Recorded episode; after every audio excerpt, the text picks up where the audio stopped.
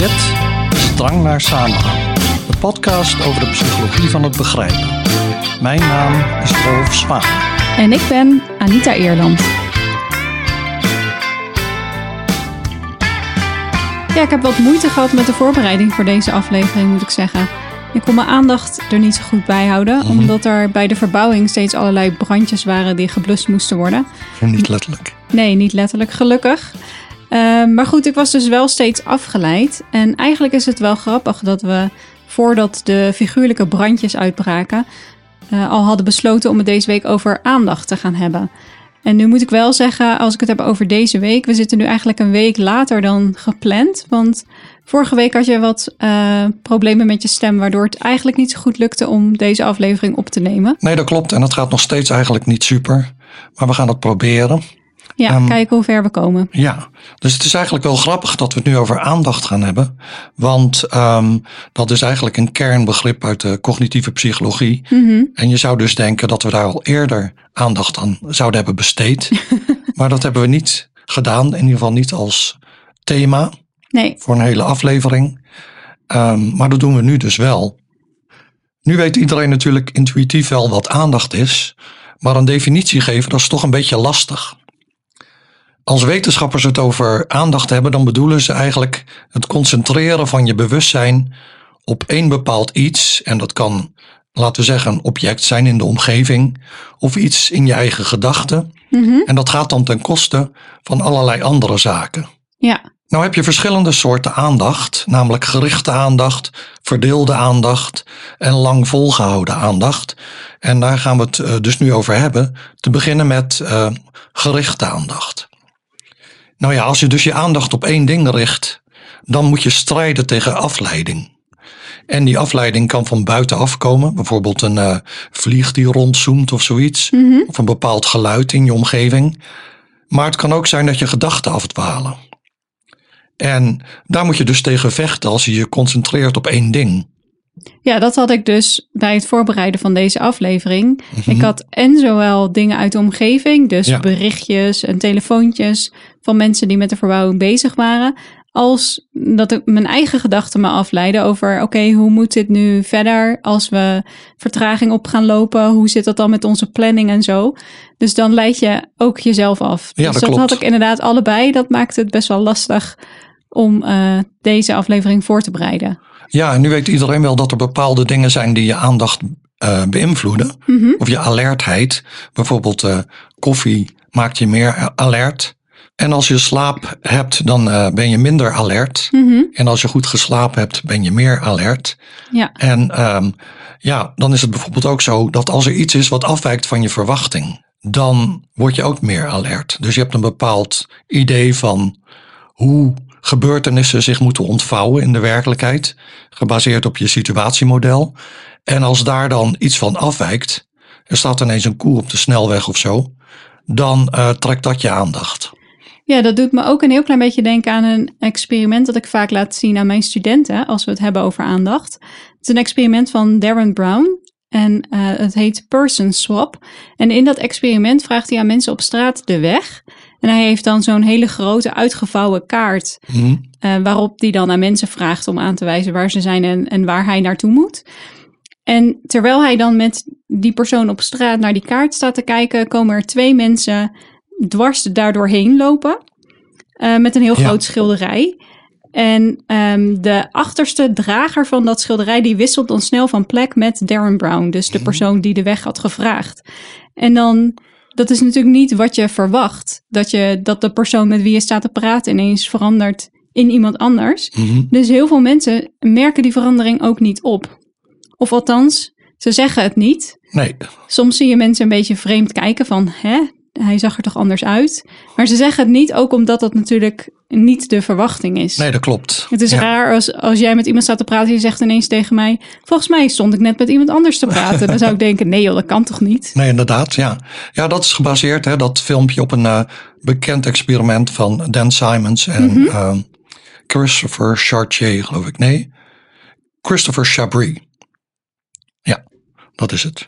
En ehm, Eh, ja, die hebben dus allerlei van dat soort experimenten gedaan. En ook de onzichtbare gorilla is van hun. Ja, die Dus hebben dat we al vaker genoemd volgens Ja. mij in afleveringen. Ja, dus toen we het hadden over dat ehm, spel om complotdenken tegen te gaan, Ja. daar zaten ook voorbeelden in hiervan. Ja, ehm, maar wat je dus hebt gezegd is, we kunnen niet overal tegelijk aandacht voor hebben.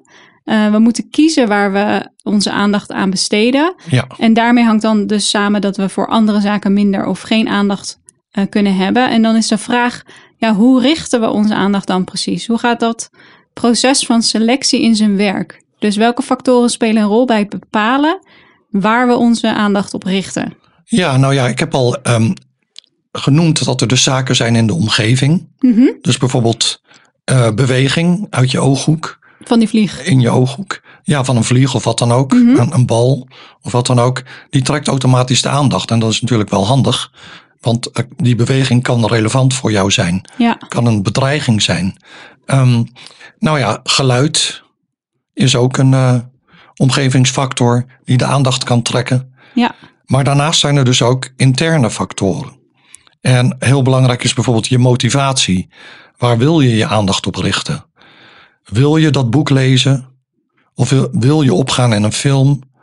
Maar ook wat is belangrijk voor je? Dus ehm, een bekend fenomeen is het cocktail party effect. Je bent op een cocktailparty, of laten we zeggen een receptie of een borrel. Cocktailparty. daar ben ik nog nooit geweest volgens mij. Volgens mij waren die voor het laatst in 1930 of zoiets. Maar goed.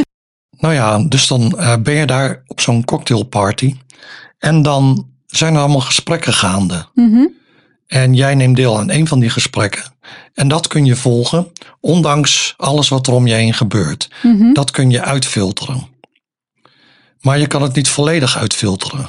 Dus het cocktailparty effect is het idee dat je het kunt uitfilteren. Maar dat is dus niet volledig waar. Want als in zo'n ander gesprek jouw naam valt, dan wordt jouw aandacht daar wel eh, door getrokken. Ja, en dat kan dus alleen als je onbewust Ja. informatie van die andere gesprekken toch ook verwerkt. Ja, precies. Ja.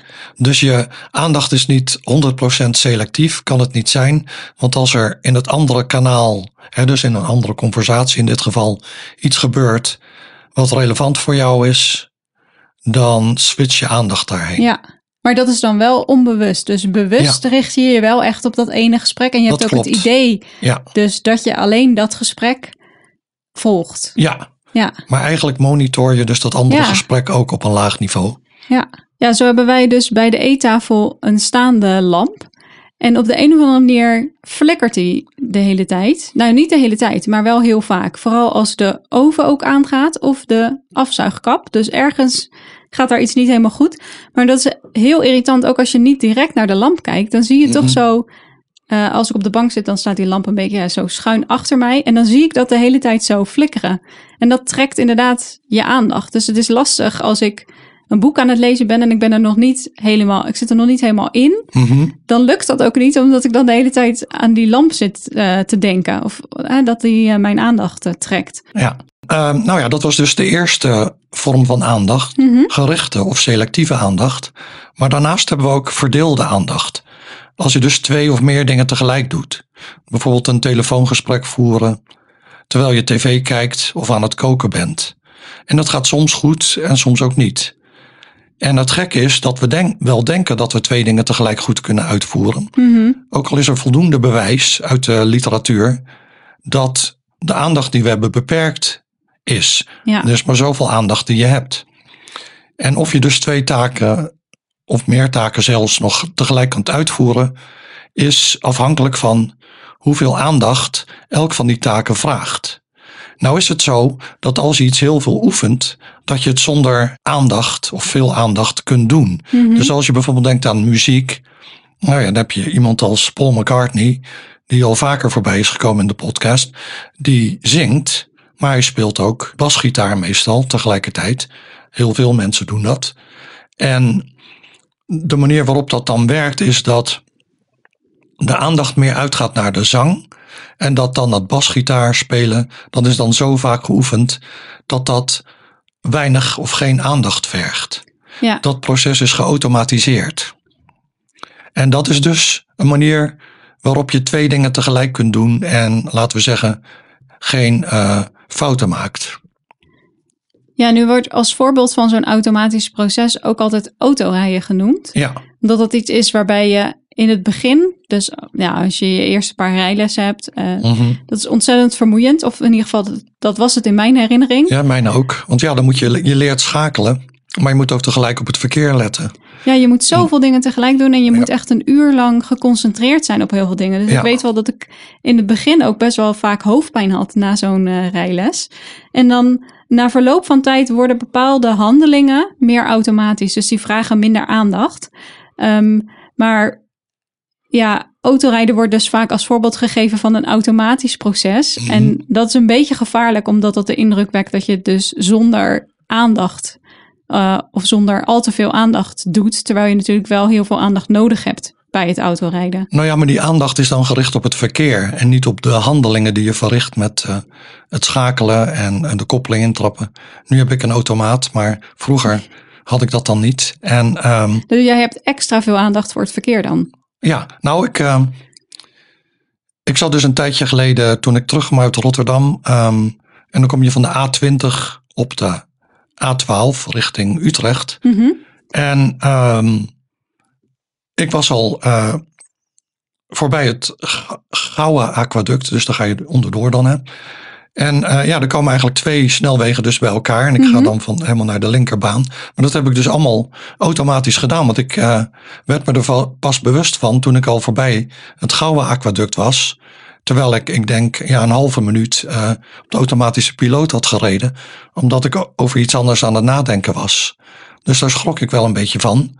En ik moet zeggen dat meestal, ook als ik in de bergen rijd, ben ik super gericht op de, de weg. En, uh, maar ik denk als je iets doet, een weg rijdt die je heel vaak hebt gereden, dat soms dan wel eens de aandacht een beetje verslapt. Zeker als er iets anders is waar je wat als afleiding fungeert. Mm.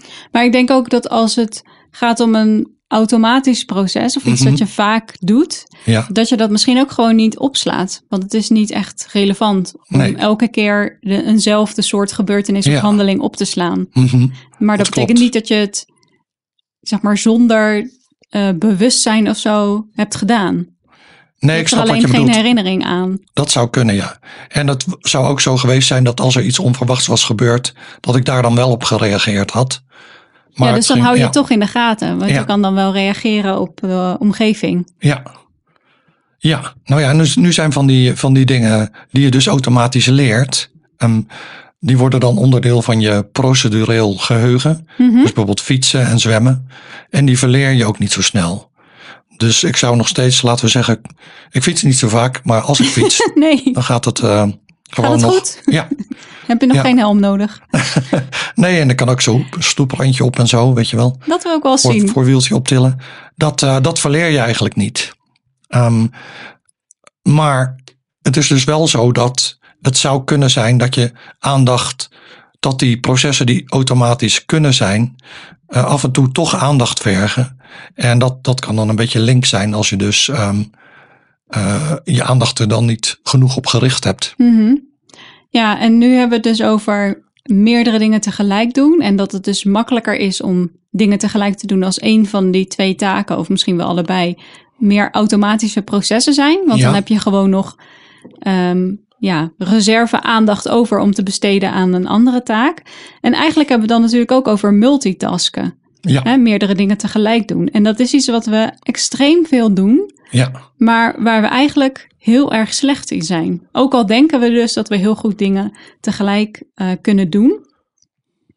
En bij multitasken gaat het om het eh, steeds schakelen tussen taken. Eh, maar ook het snel achter elkaar uitvoeren van verschillende taken wordt, oh, wordt ook wel multitasken genoemd, Mhm. genoemd. Dus dan doe je niet echt twee dingen door elkaar heen. Maar heel veel dingen na, kort na elkaar. Dat wordt ook multitasken genoemd. En nu was vroeger het idee dat multitasken maakt dat we veel efficiënter werken. Ehm, en als we taken, eh, want als we taken min of meer tegelijk kunnen doen, dan kosten ze minder tijd. Dat was het idee in ieder geval. Maar wetenschappelijk onderzoek komt nu met een eigenlijk een heel ander verhaal. Namelijk dat eh, het snel wisselen van de aandacht van de ene taak naar de andere taak in verband wordt gebracht met stress. Dus Mhm. als je veel multitask, of mensen die dat vaak doen, die ervaren ook meer stress. En multitasken zorgt er ook voor dat we minder goed presteren op de taken die we doen.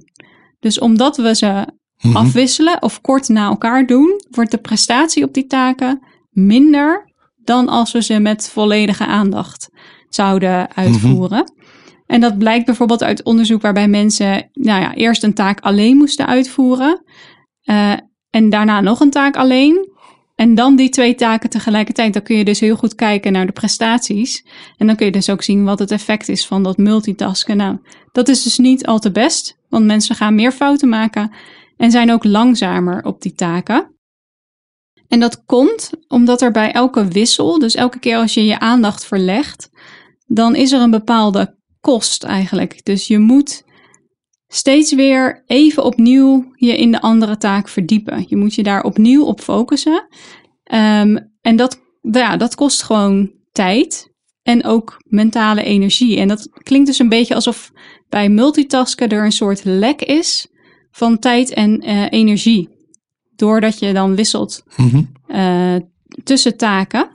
Dus waar we dachten, we gaan met z'n allen multitasken, want dan eh, gaan we efficiënter werken, blijkt dat uiteindelijk niet zo te zijn en heeft het alleen maar meer negatieve gevolgen voor de taak, maar ook voor onszelf. Ehm, en ja, er zijn ook onderzoekers die stellen dat er een link is tussen het vele multitasken dat we doen. Het Mhm. kan nu natuurlijk ook door allerlei technologische ontwikkelingen, kun je Ja. sneller wisselen van taken. Ehm, maar er, is dus een, er schijnt een link te zijn tussen veel multitasken en het, het toenemende aantal mensen met een burn-out. Mhm. Ja, dat kan ik me wel voorstellen. Ja, en ik moet dan zelf ook denken aan nou ja, de mogelijkheid om online meetings te hebben.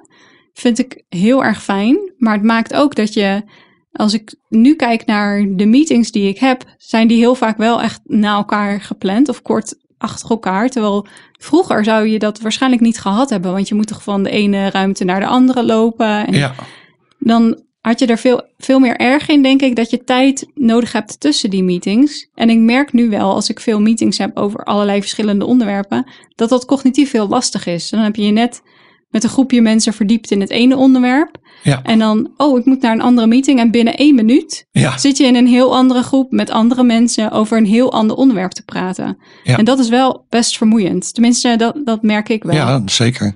En vooral als je het gesprek moet leiden, ja. dan, eh, dan vind ik het helemaal vermoeiend. Want dan, ehm, ja, dan zie je al die andere mensen op het scherm. En in mijn onderwijs heb ik dan, ja, soms 25 mensen of 15, weet ik veel wat. Maar dan zie je al die hoofdjes op het scherm. En die moeten allemaal de kans krijgen om wat te zeggen. Mhm. Maar het is heel moeilijk om dat bij te houden. Terwijl als je dus in een ruimte zit, dan zie je iemand bijvoorbeeld naar voren bewegen. Of eh, je ziet allemaal beweging in je omgeving waaruit je kunt afleiden van, oh die persoon wil wat gaan zeggen. ja. Maar dat is veel moeilijker ehm, eh, met zo'n online vergadering. En dat maakt het ook, vind ik, veel moeilijker om zoiets te leiden. Nou ja, als we het nu hebben over aandacht, dan hebben we dus gerichte aandacht of selectieve aandacht, daar hebben we het over gehad. Mhm. Verdeelde aandacht, daar hadden we het net over. En er is ook ehm, lang aangehouden aandacht of lang volgehouden aandacht. Mhm. En dat is dus een vorm eigenlijk van selectieve aandacht, maar dan lang volgehouden. En ja, dat is dus iets wat nu moeilijker wordt in deze tijd, zie je aan veel mensen. ja. En wij gaan natuurlijk volgende week de film Winter Sleep eh, bespreken. Mhm. En die duurt geloof ik drie uur. ja. Dus moeten we ons drie uur op een film concentreren. Gaat dat lukken, denk je? Ehm, jou beter dan, dan mij. Het wordt want- een uitdaging, denk ja, ik. ja, want het is helemaal niet zo goed gesteld met onze lang volgehouden aandacht. Het lu- lukt ons steeds minder goed om ons langere tijd te concentreren op één ding, zonder ons te laten afleiden. En nu had ik het over beweging in de omgeving. Nou ja, veel mensen hebben ehm, instellingen op hun computer, zodat als er een nieuwe mail binnenkomt, dan zie je beweging op het scherm Ja, op mijn. En je hebt ook een Mac, maar dan zie je dan. Ik heb alles uitgezet, behalve bij het, oude, het programma dat ik gebruik om de podcast op te nemen. En soms, als ik met iets anders bezig ben en een koptelefoon inplug, dan begint dat ding te springen om te zeggen dat ik een koptelefoon heb ingeplucht. ja ik dat zelf weet je zelf ook. Ja, precies. Ehm, maar de- dat leidt dus ook verschrikkelijk af en maakt het moeilijk om je aandacht uh, lang vol te houden. Mhm. En je zei het is slecht gesteld met onze lang volgehouden aandacht, maar je bedoelt niet alleen van ons twee, hè? maar Nee, nee, gewoon van- in het algemeen zijn Ja. mensen gewoon steeds minder goed geworden Ja, in eh, het lang, ja, lang houden van de aandacht voor één specifieke taak. ja. Nou heb ik van jou een e-reader gekregen voor mijn verjaardag. En Ja, leuk hè? Leuk, ja. nou ja, als ik dan lees, dan kan ik dat wel een half uur volhouden, maar eigenlijk niet langer. Dan ga ik toch weer even wat anders doen. Ehm, nu heb ik op YouTube een kanaal ontdekt, dat heet Itchy Boots. En dat is een jonge Nederlandse vrouw en die rijdt met haar motorfiets de hele wereld over. En eh, nou ja, dan vlogt daar dan over. Mhm. En ze nou, misschien- laat dan zien hoe moeilijk het- het is de grens over te komen van Costa Rica naar Nicaragua of zoiets. Ehm, maar het is heel immersive, dus je gaat helemaal op in dat verhaal. En je hoopt dan maar dat haar niks overkomt, want eh, ze gaat over allerlei gevaarlijke weggetjes en ze is in haar eentje. Ehm, ja, dus ik merkte ineens van, hé, hey, daar ga ik helemaal in op. En uh, Dat dus merkte ik ook. ja, dus dat is wel een aanrader. Itchy Ja, maar, Boots. maar dat is dus iets waar je heel gemakkelijk langer dan 30 minuten Ja, naar kunt kijken. want dan denk je van, uh, ja, omdat het dan is van, uh, ja, komt ze die grens wel over of zoiets. En uh, ze zat ook ergens vast in Peru aan het begin van de coronacrisis. Mhm. En uh, nou ja, dus dan, dan ga je daar ook zo in op. Ook door het perspectief, denk ik. Ik uh, rij geen motor en ik heb eigenlijk een hekel aan motorfietsen. Maar ik vind. Behalve deze. Behalve deze. Maar zij rijdt dan motor voor ons allemaal, denk ik. Maar, um, hey, maar he heeft het dan te maken met, omdat je zegt, dit is meer immersive, dus je kunt er meer in opgaan en je vindt Ja. het spannend, je wil weten hoe Ja. het verder gaat. Ligt dat dan aan het boek dat je aan het lezen bent, dat je na 30 minuten denkt, ehm, ik ga toch wel even kijken of er nog uh, nieuws is, of uh, dat je toch op je laptop weer iets anders gaat doen, bijvoorbeeld? Heeft dat Um, daarmee te maken? Misschien wel. Ik denk ook dat ik mezelf meer moet trainen weer om dat, om dat meer te doen. En gewoon Ja. lang uh, met een boek zitten. Mhm. En um, ja, ik merk het, uh, nou ja, wandelen of skiën, daar ga ik dan wel ook in op helemaal. Maar dan, dan is het niet dat ik zit te denken van, uh, zijn de aardappelen wel geschild of zo? Als ik, uh, Nee, en als je zoiets doet, als je aan het wandelen of aan het skiën bent buiten, dan heb je ook niet je laptop bij je waarop Nee. je. Weet je, het is ook wel heel makkelijk om jezelf af te leiden door alle, nou ja, door Ja. de manier waarop we nu eh, leven en alle technologische ontwikkelingen die er zijn. Nu is er een eh, onderzoekster, eh, Gloria Mark, die heeft ook een, weet- een populair wetenschappelijk boek geschreven over aandacht in het digitale tijdperk. En die heeft onderzoek gedaan naar de tijd die we besteden aan taken op de computer. En ze heeft eh, gekeken of die tijd ehm, korter of langer is geworden over de jaren heen. Of Mhm. dat we nog evenveel tijd besteden aan een taak op de computer. Ehm, en het blijkt dat de tijd die we dus besteden aan taken op de computer steeds korter is geworden. Niet in totaal. Dus het is niet zo dat we in totaal minder lang achter de computer zitten. Maar gewoon als we één bepaalde taak uitvoeren, mhm, dan besteden we daar minder tijd aan. ja, Ehm, dus de, die tijd is nu gemiddeld 47 seconden per scherm. oh, dat is wel kort. Dus we zitten Ja. 47 seconden op een scherm. Weet ik veel, kijken of er nieuw, nieuwe mails zijn binnengekomen. Heel even kijken of er nog nieuwe nieuwsberichten zijn. Even kijken of eh, de trui die je wil hebben nog steeds in de aanbieding is of zo. Ik weet het niet. Nu de kerstdagen in aantocht zijn, ben ik aan het nadenken over kerstmenu. Dus dan heb ik ook nou, ontzettend veel tapjes open met allemaal verschillende eh, recepten. En dan denk ik, oh ja, eh, dan ben ik heel even bezig met het voorgerecht. Dan denk ik, oh ja, hoofdgerecht. Oh ja, ehm, weet ik veel, leuke dingen om op tafel neer te zetten. Dus ik, ik merk dat wel in de 47 seconden. Ik weet het Ja. niet. Ik heb het niet getimed. Zou best wel eens kunnen. Maar goed, dat is dus nu. En het grappige is dat ze dus ook hebben gekeken naar eh tien jaar geleden. Mhm. Toen was het 75 seconden. Oh, dat is ook nog niet eens zo lang. Nee hè? Nee. En 20 jaar geleden 2,5 minuut. Dus 150 seconden. Oké. Nou ja, dat is eigenlijk ook nog niet zo lang. Maar ik weet wel niet- dat als ik zit te schrijven aan een artikel, dan zet ik wel gewoon. Dat kan ik wel heel lang achter elkaar doen.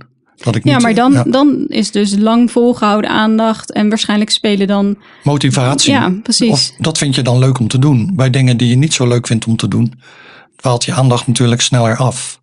Dus nakijken vind ik niet zo leuk om te doen.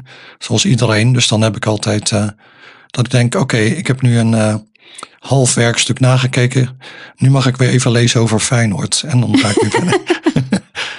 Ja. ja. Maar wat dus, ook al was het twintig jaar geleden dus ook heel kort. Wat je wel ziet, is dat het nu nog korter is geworden. En ja. dat we dus steeds vaker, steeds sneller wisselen van de ene taak naar de andere taak. En dat ja. is natuurlijk eigenlijk geen goede ontwikkeling als je nadenkt over de problemen die er bij multitasken uh, komen kijken. Nee. En die problemen die we eerder hebben genoemd van meer stress, minder goede prestaties, uh, wordt gelinkt aan burn-out. Ja, dan is het eigenlijk niet zo, niet zo goed dat we steeds minder tijd aan een taak besteden. Nee, dat klopt. En je ziet ook wel um, jonge mensen die dat dan, die daar dan van, van weg willen, van de uh, digitale media. Mm -hmm. Dus in Itchy Boots. uh, toen die is het... er niet weg van, toch? Want die nee, nee, nee. Maar toen, ze was in het noorden van Zweden. Ergens in een uh, lodge of zoiets. En de, de manager daarvan was een jonge man. Ik denk dat hij uit Stockholm kwam oorspronkelijk. En die wilde gewoon weg van dat drukke leven. En mm -hmm. hij zei, ja, ik heb geen sociale media meer. Ik lees de krant niet. Het enige waar ik me druk om maak is, moet ik sneeuw ruimen vandaag of niet?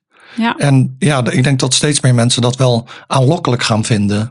Ik denk wel dat je dan weg wilt uh, uit een situatie waarin er steeds meer um, dingen zijn die jouw aandacht vragen. Die jou min of ja. meer dwingen om steeds te multitasken, om ja. steeds te wisselen en heel veel dingen, um, ja, uh, hoe zeg je dat, praten te hebben of ja.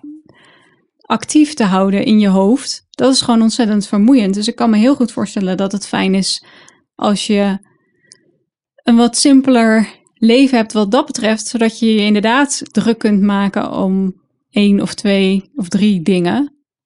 En dat je echt je aandacht kan richten op die dingen. Ja, dat denk ik ook. Dat je ook meer zelf bepaalt ja. waar je aandacht naar uitgaat. In ja, dat, van... dat is dan ja, dat het endogeen is vanuit de persoon zelf en niet zozeer exogeen Mhm. mm -hmm. vanuit de omgeving. Ja. En nu had ik trouwens nog, nu, we hadden het over twee dingen tegelijk doen. Dan moet ik weer denken aan Itchy Boots. Nou ja, die vrouw heet Nora Lee, maar die rijdt dan op de motor bijvoorbeeld door de woestijn in Namibië. En dan heeft ze een drone waarmee ze dus zichzelf filmt mm -hmm. terwijl ze op die motorfiets zit. Dus sommige mensen geloven dan niet dat ze dat zelf doet, maar blijkbaar kan dat wel. Het vergt enige oefening. Maar dan moet je dus uh, en niet in een ravijn rijden en zorgen dat je goed in beeld bent. Dus dat uh, is een mooi voorbeeld van multitask of dual tasking in dit geval. Nou ja, nu is het dus in onze wereld uh, zo, tenzij we dus in het noorden van Zweden tussen de rendieren wonen. En klinkt natuurlijk best heeft, wel lekker hoor. Klinkt best wel lekker, maar Ja. natuurlijk heeft niet iedereen die luxe. Nee. Nou ja, dus die beschikbaarheid van de sociale media, dat is dan een probleem, want dat zorgt voor afleiding. En daar, dat heeft zelfs geleid tot een nieuwe term bij onderzoekers, namelijk media multitasking.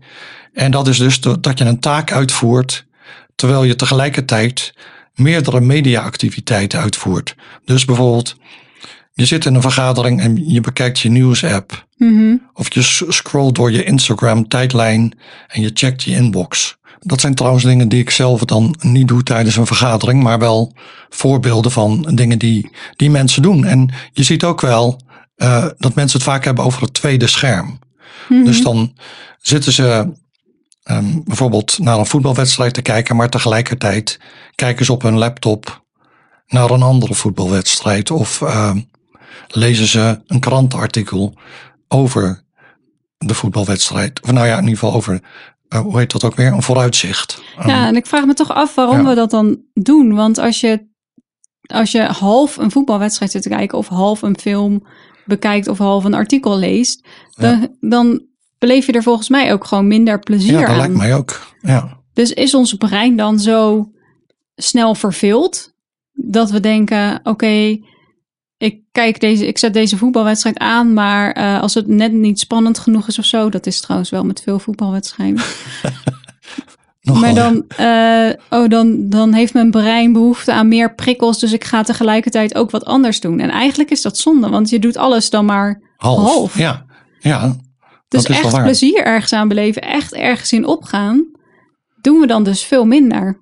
Ja, nou zaten we gisteren te kijken naar een eh, Franse documentaire op Netflix. Mhm. En dat was weer zo'n typische Netflix-documentaire waarin ehm, ja, je st- steeds shots hebt van een paar seconden. Dus een meneer vertelt wat en dan gaat het over zoveel miljard en dan zie je ineens geld eh, of briefjes en getallen. En dan vertelt hij weer wat anders. En al- alles wat hij vertelt moet in beeld gebracht worden.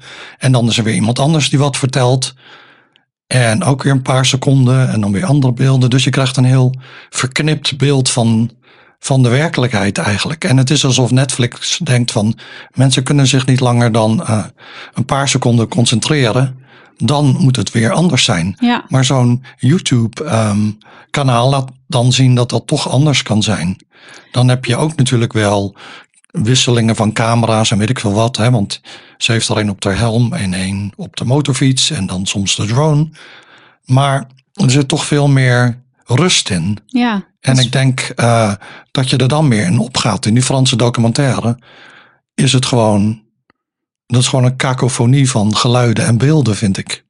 Ja, het is veel te druk. Er gebeurt Ja. ehm, heel veel. En ehm, eigenlijk te veel, denk ik, om erin op te gaan. Maar ik denk dat ze bang zijn dat als ze lang hetzelfde laten zien, of gewoon, weet ik veel, een goed interview, maar zonder al die Ja, eh, flikkerende beelden en illustraties en harde muziek en zo, dat ze denken dat mensen dan afhaken. Ik vind Ja. het zelf juist heel fijn, want ik weet dat we, dus inmiddels alweer een aantal jaar geleden, maar toen hebben we heel veel dvd's gekocht van Maigret, ja, een Franse, ja, is het detective politie-serie, ja. ehm, die zich afspeelt in, ja, weet ik veel welk jaar, maar lang geleden in ieder geval. Nou, de boeken van Simenon, ja, die zijn, ehm, ja, wat is het? Jaren 50. Zou Zoiets. goed kunnen, ja. Maar dat is dus een hele rustige serie. Geen eh, snelle, wisselende beelden. Ehm, ja, eh, ik, ik vind dat dus heel fijn om naar te kijken. Dus ik denk Ja. dat ik ze weer eens op ga zoeken. Nou ja, dat is een voorbeeld. En ik zat ook te denken aan, eh, weer op YouTube, heb je Rick Beato. Dat, eh, is dan een, eh, iemand die het altijd over muziek heeft. Hij heeft elke dag wel iets. Ik kijk er eigenlijk niet meer naar, behalve als hij een interview heeft met iemand. Dus dan heeft hij bijvoorbeeld een interview met Sting of Pat Metheny of eh, ehm, eh, Keith Jarrett. En dat is dan gewoon anderhalf uur lang. En hij laat die persoon eigenlijk praten. Dus je krijgt veel meer inhoud dan je krijgt als je, laten we zeggen, eh, nou ja, er een Netflix-versie van maakt. Want dan, dan krijg je in een documentaire van drie kwartier ehm, allerlei snippets, Ja, korte stukjes en dan weer beelden, korte stukjes. Maar nu heb je gewoon één persoon die rustig praat en die vertelt hoe die zijn nummers geschreven heeft. ja, en ik denk dat je dan heel goed je aandacht erbij kunt houden als je gemotiveerd bent Ja, eh, en geïnteresseerd bent eh, in de inhoud. En Ja, als dat- dat... niet zo is, dan dwaal je misschien sneller af. En dan kunnen al die wisselingen en eh geluidseffecten Ja. en zo je aandacht er misschien bij houden. Maar goed, Ja. dan zit je, wel, zit je denk ik een beetje als een wezenloze te kijken Dat naar het wel, scherm. ja. Zonder dat je er echt wat van leert of echt het verhaal begrijpt. Dus misschien is dan een soort van les dat je aandacht kunt trekken van mensen. Maar het kan heel oppervlakkig zijn. En natuurlijk Ja. gaat het erom dat mensen, hè, bij Netflix, dat mensen kijken naar jouw programma. Niet per se dat ze ehm, ook onthouden wat je ze qua Ja, inhoud aanbiedt. nee, dat is waar. Dus eh, nooit een geheugentest na zo'n. eh, Nee, wat heb je hiervan onthouden? Ja, Nou ja, dat, dat is wel zo. En, ehm, ja, en die rust van eh, een gesprek zich laten ontvouwen of een Mhm. verhaal zich laten ontvouwen. ja, Dat heeft eigenlijk veel en dat dreigen we te verliezen, denk ik, in, Ja. in onze huidige maatschappij. Ehm, nou ja, dus gerelateerd aan, aan die observatie dat ehm, we voor steeds meer, steeds minder aandacht hebben, mhm, is onderzoek naar reclame en films. En films, daar hebben we het al eerder over gehad in een aflevering die heet De Tyrannie van Film. mhm. En dus dat filmonderzoek wat ik in ieder geval ken, dat laat zien inderdaad dat de shots steeds korter worden. En eh, bij reclame is dat ook zo, maar wij kijken no- nooit naar reclame. Dan zetten we altijd het geluid uit en dan gaan we weer ehm, iets op onze laptop Multitasken, hè? Gaan we weer wat Ja. anders doen, ja. Ja, Ik merk er trouwens niks van dat reclames korter zijn geworden. Misschien wel de, de, de losse reclames, maar de reclameblokken zijn best wel lang. die zijn heel lang. En eh, ja, daar hebben we eigenlijk alleen mee te maken als we naar voetbal kijken. Want we kijken nooit naar films op tv. Nee, eigenlijk niet. Nee. Dus de reclame zien we eigenlijk verder niet. Maar daar is dat dus ook het geval. En het is een beetje misschien een kip en een ei eh, idee. En wat komt er nu eerder? Ehm, zijn die clips korter gemaakt omdat reclamemakers weten en filmmakers, mensen kunnen hun aandacht niet zo lang op iets richten? Of is het zo dat onze aandacht steeds korter wordt? Hè? Mhm. de hoeveelheid tijd die we aan iets kunnen besteden door het mediaaanbod. Ja, vind ik wel een interessante vraag. Ja. En, Ik weet niet of daar onderzoek naar is, eerlijk gezegd. Ehm, maar ik denk dat eh, veel misschien ook gedreven wordt door interne eh, zaken binnen films. Bijvoorbeeld dat, ehm, ja, dat waar toen films nog nieuw waren, hè, waar je dan een hele ambulance scène liet zien van iemand eh, wordt aangereden of weet ik veel wat. Eh, er komt een ambulance, de persoon wordt in de ambulance ge- geladen. Tu, tu, tu, tu, op weg naar het ziekenhuis. Ehm, persoon uit, op een, eh, hoe heet zo'n brancard, Mhm. naar een ziekenhuiskamer. En nu is het gewoon aanrijding. Hup, hij ligt in het ziekenhuis. Ja. Omdat mensen zich de rest wel kunnen voorstellen. Dus daarmee biedt de filmmaker eigenlijk niets nieuws. Nee. Daar hebben wij een script voor ontwikkeld. Mhm. Dus wij verwachten eh, een bepaalde opeenvolging van gebeurtenissen. Ja, En die hoef je dus niet dan te laten zien. Dus ik denk dat dat ook wel een, een beetje een rol speelt. We kunnen veel gebeurtenissen gewoon beter voorspellen. ja.